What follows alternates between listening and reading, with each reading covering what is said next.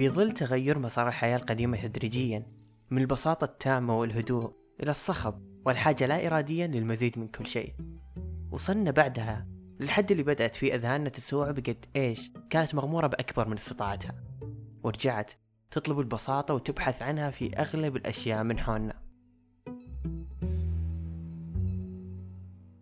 تقلصت شعبية أغاني الروك اللي تعتمد بشكل كبير على الصخب والرتم العالي في استخدام الأدوات الموسيقية. وأصبحوا البشر يتقون للاستماع للأغاني والموسيقى الهادئة اللي توصل لقلبهم وتهدي عشوائية أذهانهم في نهاية يوم متعب. وعرفت الشركات تدريجيا أن الإنسان القديم تغير وما عاد يغري تعدد الألوان والتصاميم المبالغ فيها بالإعلانات وصارت تضع كل منتج جديد تحت سقف مواكبة البساطة. ازدادت شعبية الملابس باللون الواحد والأقل زخرفة وشياكة. حتى الفنون بجميع أنواعها صارت تهدف لأقل العناصر والأكثر تأثيرا.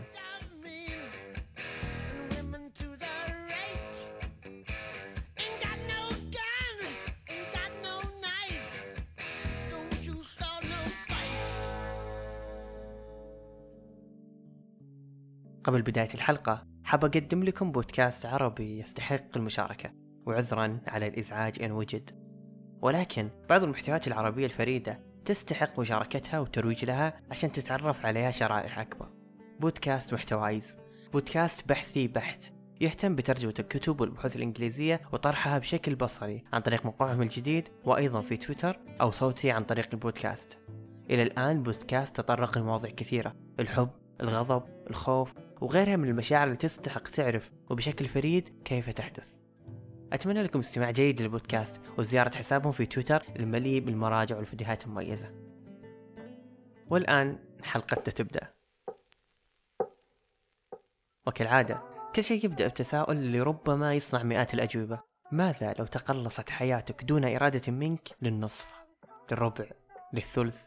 ماذا ستفعل؟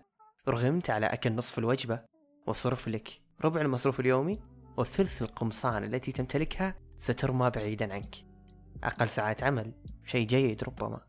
ولكن ماذا عن أقل ساعات تسوق وأقل استخداما للهاتف؟ ولن تخرج من إيكيا إلا بشيء واحد أو شيئين. في آخر الحلقة قل لي من أنت. نصف أم ثلث.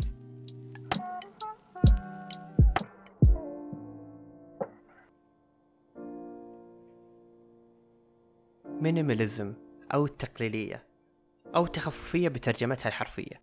حركة فنية بدأ تطورها في الفن الغربي بعد الحرب العالمية الثانية وبشكل أكبر مع الفنون البصرية الأمريكية في الستينيات وأوائل السبعينيات بعد انتقال الفنانين الأكبر سنا نحو التجريد الهندسي. تعتمد هذه الحركة الفنية على الحد من أي عنصر أو لون غير مهم في الصورة وتحاول الكشف عن جوهر وأساسيات موضوع معين من خلال القضاء على جميع الأشكال والمفاهيم الغير ضرورية. لخلق فن بسيط ولكن يحمل الكثير.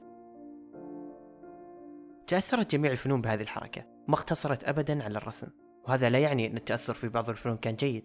فالعمارة الحديثة مثلا تأثرت بشكل كبير وجميل بالتبسيط قدر الاستطاعة في التصاميم المعمارية والديكور الداخلي بخلق مساحات واسعة مليئة بالضوء وأقل عناصر عرض وتفاصيل بسيطة خالية من الزخرفة سواء في المنازل أو حتى توجه المعارض والمتاحف بشكلها الحديث. مثل تصميم متحف اللوفر في أبو ظبي.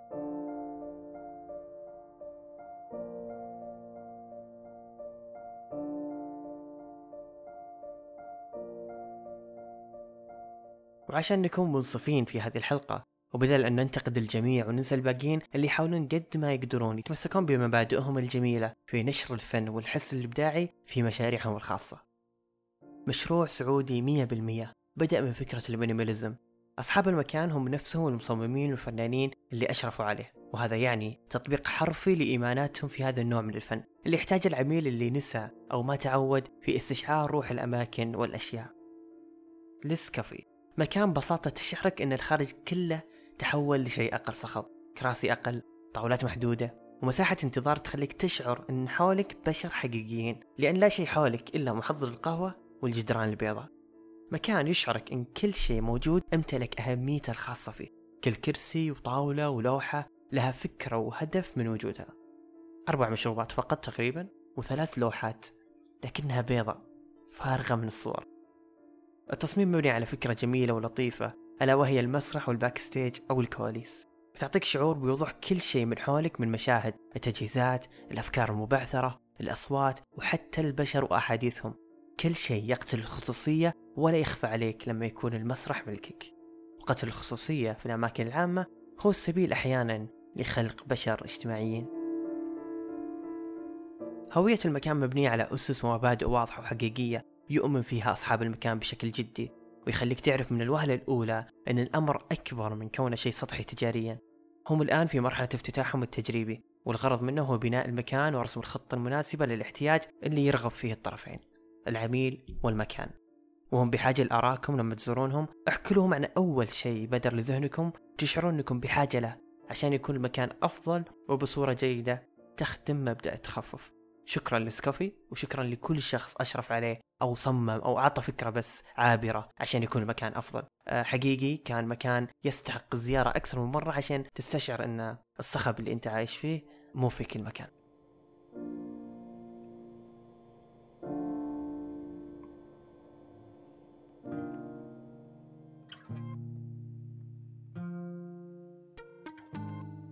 جميع الفنانين اللي يدخلوا مجالاتهم الفنية باختلافها إلى الحركة التقليدية واجهوا اعتراض ونقد كبير من كبار كل مجال واصفينها بأنها فن عاطفي خالي من الجاذبية وليس أكثر من تعبير عن السلبية البشرية في عدم مواجهة الفنون الضخمة. ولكن بعد وقت طويل أصبحت حياة معتمدة ورسمية ويوصف فيها الأشخاص المتبعين لهذا الأسلوب من الحياة باسم المتجردون حسب ترجمة بعض المواقع ونتفليكس. يشبه هذا النمط من العيش الحركة الفنية الأساسية بدون تحريف لمعانيها وتوجهاتها ولكنها أكثر بساطة وتحرر في تطبيقاته وأكثر تهكما على نمط الحياة الحديثة اللي يرون أنها أرغمتنا الحب المزيد أكثر من اللازم.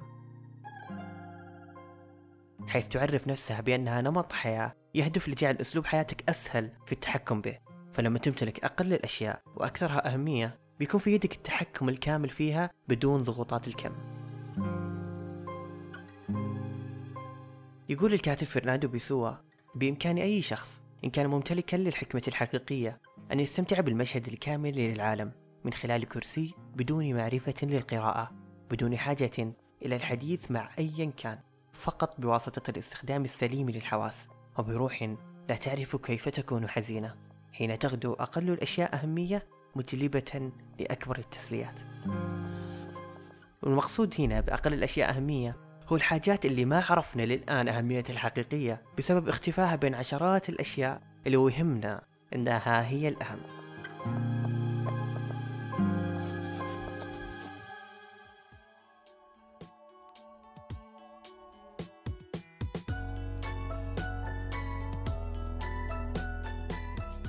كل اغتناء يخدم هدف وأن يكون الهدف هو أن لا تعطي حاجاتك معنى في حياتك أو شعور تجاهها أو ذكرى مثلا. حيث تشكل الحاجات الزايدة في الأغلب مشاعر لحظية قديمة جعلتنا نتمسك فيها ونعتقد إنها شيء يستحق الاحتفاظ فيه أو تجميعه. لا مشكلة من الاحتفاظ بكتبك الكثيرة اللي انتهيت منها. مو نظام قاسي وحازم في مواجهة جميع حاجاتنا طالما تعني لنا شيء أو شكلت شخصياتنا بشكل جيد. المقصد هو التقليل من الأشياء اللي ما راح تفقدها لأنك الحقيقة ما عاد تتذكر أنك تمتلكها أصلاً. كمية هذه الأشياء وتنوع رغباتنا المختلفة من شخص الآخر في منزل واحد أو حتى لوحدنا من أكل وتسوق وأثاث غيرت بداخلنا الكثير حتى تعاملنا السابق مع المساحات. كل سنة تزيد رغبتنا في امتلاك مساحة أكبر عشان تكفي حاجاتنا الكثير المتزايدة. طبيعة أن تكون بشري هو أن تطلب المزيد في محاولة لملء الفراغات الغير واضحة داخلك أي فراغ وحتى السخيف منها. ولكن السؤال هل إحنا حقا فارغين أو صور لنا هذا الشيء فصارت حياتنا جميعها مبنية على ملء فراغ غير موجود.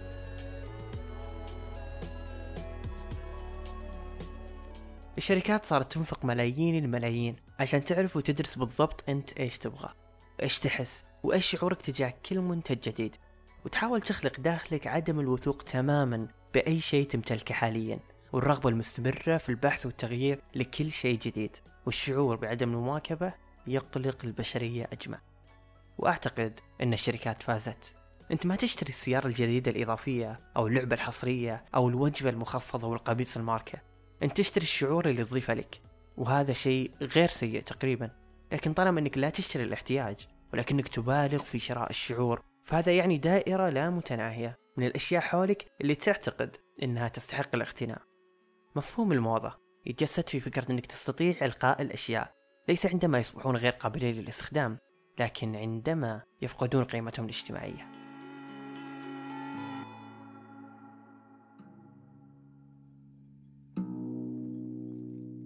هذا النمط من العيش لا يعني بالضرورة أنك تكون شاعري تجاه كل ما تملك أو لمجرد الانتماء لأي شيء. هو أعمق من هذا كله.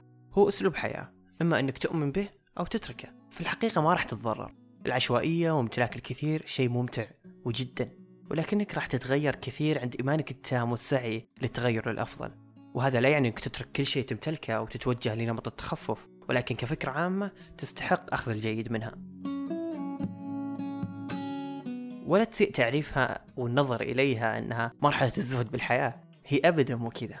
هي مرحلة الإدراك أن الحياة الحالية أفسدت الإنسان الحالي إضافة مبدأ واحد جديد في حياتك من وجهة نظري هو إعادة ترتيب مبادئك جميعها زي ما هو الحال مع مبدأ التخفف أو التقليدية أعتقد أن مبدأ يتعارض مع أغلب المبادئ الحالية اللي نعيشها كعرب بشكل عام أو خليجيين بشكل خاص.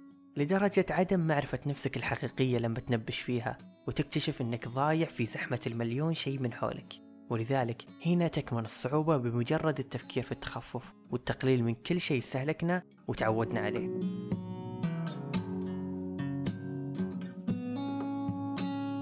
ليس أمرا سهلا بأن نجعل من حياتنا بسيطة أو حتى في أن ندرك بأن ما جعل من الشعور أن حياتنا أثقل من السابق ما هو إلا الحاجيات الزائدة التي تتواجد من حولك في كل مكان. ممتلكاتك قد أصبحت مصدرا للقلق والتوتر ويرجع كل شيء بسبب الاستهلاك الزائد والاستمرار بشراء الأشياء التي لو فكرت لوهلة قد تدرك أنك حقا لا تحتاجها. وممكن أنه قد فات الأوان لمحاولة أن نكون أشخاص متخففين ولكن على الأقل لنسعى أن نكون واعين وعلى دراية بالجريمة ووقوعها. استمر بعشوائيتك وصخب كل شيء من حولك ولكن احذر أن تكون جاهلا وكل اقتناء اجعله بإرادتك وغير مسير به. فاجتماع عشوائية الحياة والجهل هو غرض هذه الحقبة. Too many of us now tend to worship self-indulgence. And consumption. Human identity is no longer defined by what one does, but by what one owns. But we've discovered that owning things and consuming things does not satisfy our longing for meaning. We've learned that piling up material goods cannot fill the emptiness of lives which have no confidence or purpose.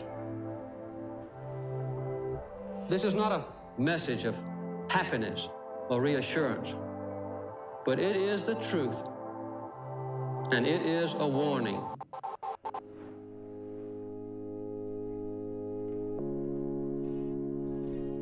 واخيرا بالتعاون مع الاسكافي ولأي شخص استمع للحلقة. خصم 10% لمشروبك خلال هذا الأسبوع. كل اللي عليك توريهم صورة من شاشة الجوال لاستماعك للحلقة. في أي منصة تستمع منها الآن. أتمنى لكم استمتاع وراحة كبيرة في المكان. ولا تنسون مشاركتهم آراءكم عن الكافي لما تزورونهم. حسابهم في إنستغرام. ولوكيشن المكان في وصف الحلقة.